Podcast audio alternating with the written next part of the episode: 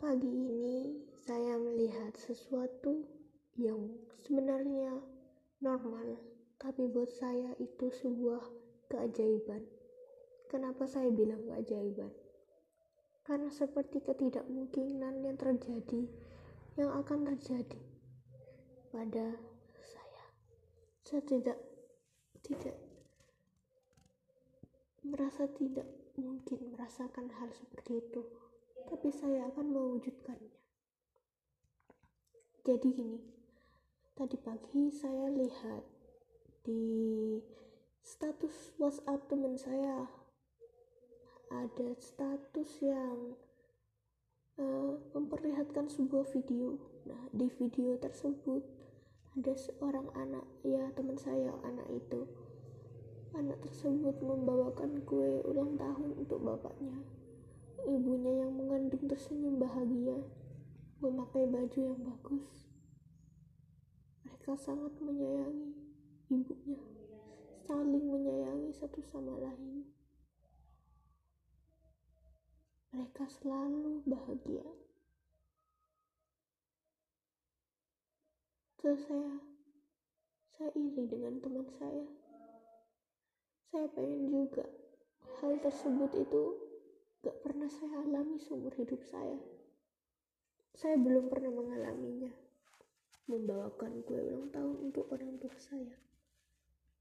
Orang tua laki. Dulu, saya dan mama saya beserta adik-adik saya ditinggalkan dengan hutang. Kalau kalian tanya bapak saya ke mana, bapak saya nggak meninggal bapak saya itu nggak meninggal. Dia memilih pergi dan tidak bertanggung jawab. Yang lebih parah, dia meninggalkan beban. Tapi setelah saya besar, saya bersyukur ditinggalkan. Walaupun saya sakit hati, walaupun saya terkadang iri dengan teman-teman saya, tapi saya bersyukur ditinggalkan. Dengan ini, saya sangat menyayangi ibu saya. Mama saya sangat menyayangi saya, saya juga sangat menyayanginya.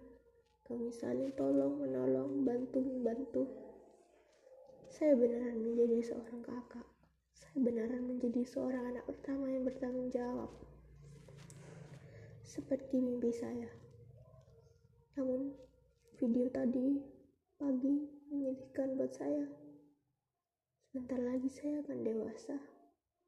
Sebentar lagi saya bukan anak remaja lagi. Tinggal menghitung satu sampai dua tahun lagi. Saya sudah tidak berada di kepala satu. Saya akan berkepala dua satu sampai dua tahun lagi. Ketakutan dengan umur yang dewasa. Saya kerap kali menangis masa kecil saya hilang masa kecil saya udah rusak. Masa kecil saya saya tidak merasakan hal yang harusnya saya rasakan.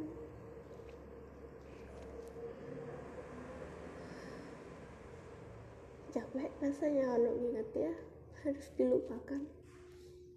Saya sudah tidak menganggap dia sebagai bapak saya lagi.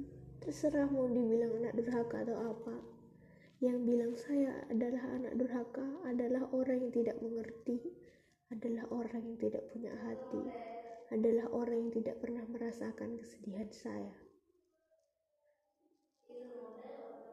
Kesedihan ini kadang muncul di saat-saat tertentu, pada saat saya melihat sesuatu kejadian, mendengar suatu harum, bau, yang sama saat kejadian terjadi.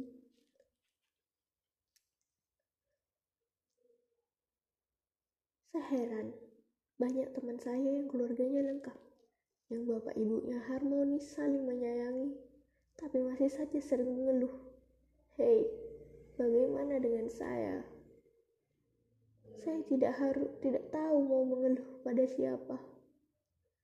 Jika saya mengeluh pada orang tua saya, saya takut membebani. Mama saya adalah satu-satunya orang tua saya. Saya harus menjaganya. Saya tidak boleh memberikan banyak pikiran padanya.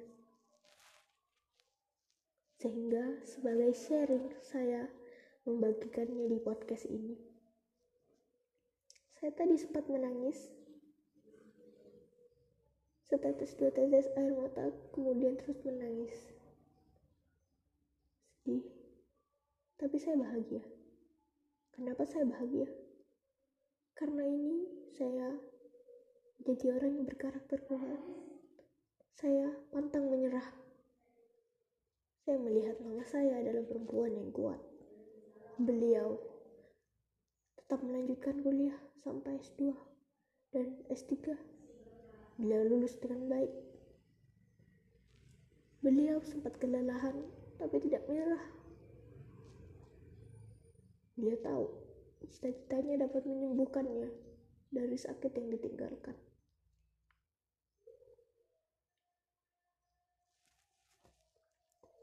Masalah cinta bukan masalah yang berat. Masalah berat adalah ketika kamu memiliki hutang yang disebabkan oleh orang lain. Ketika kamu tidak mempunyai orang yang menyayangi kamu, ketika kamu tidak dipercayai oleh orang yang kamu sayangi, ketika kamu dihina oleh orang yang kamu sayangi. Saya sebagai anak remaja sering melihat teman-teman saya yang ingin bunuh diri, ingin mati.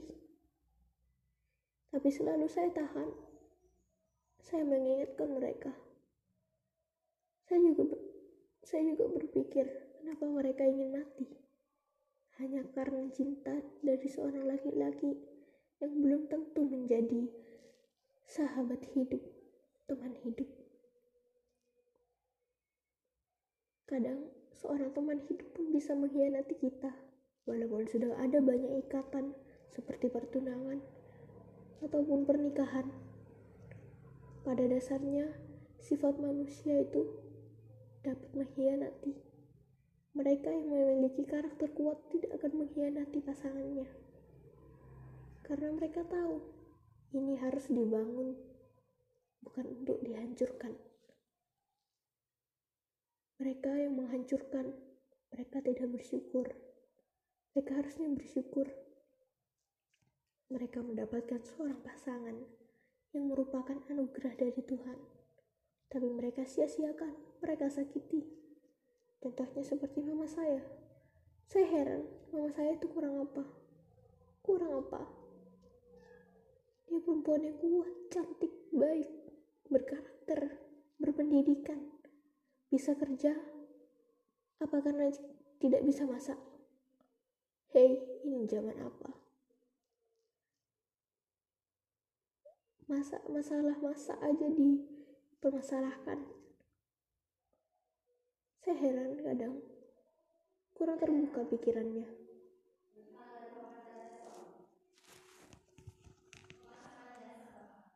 Perasaan ini, perasaan terheran-heran sedihan. Kenapa saya harus merasakannya? Hanya karena pemikiran satu orang di keluarga saya yang kuno, yang rakus akan makanan. Saya tidak suka makanan sejak saat itu. Saya tidak suka daging ayam. Saya tidak suka kulit ayam. Saya takut menjadi seperti dia, menggilai makanan, menjadikan makanan seperti dewa. kepuasan sementara. Tidak banyak yang menyadari.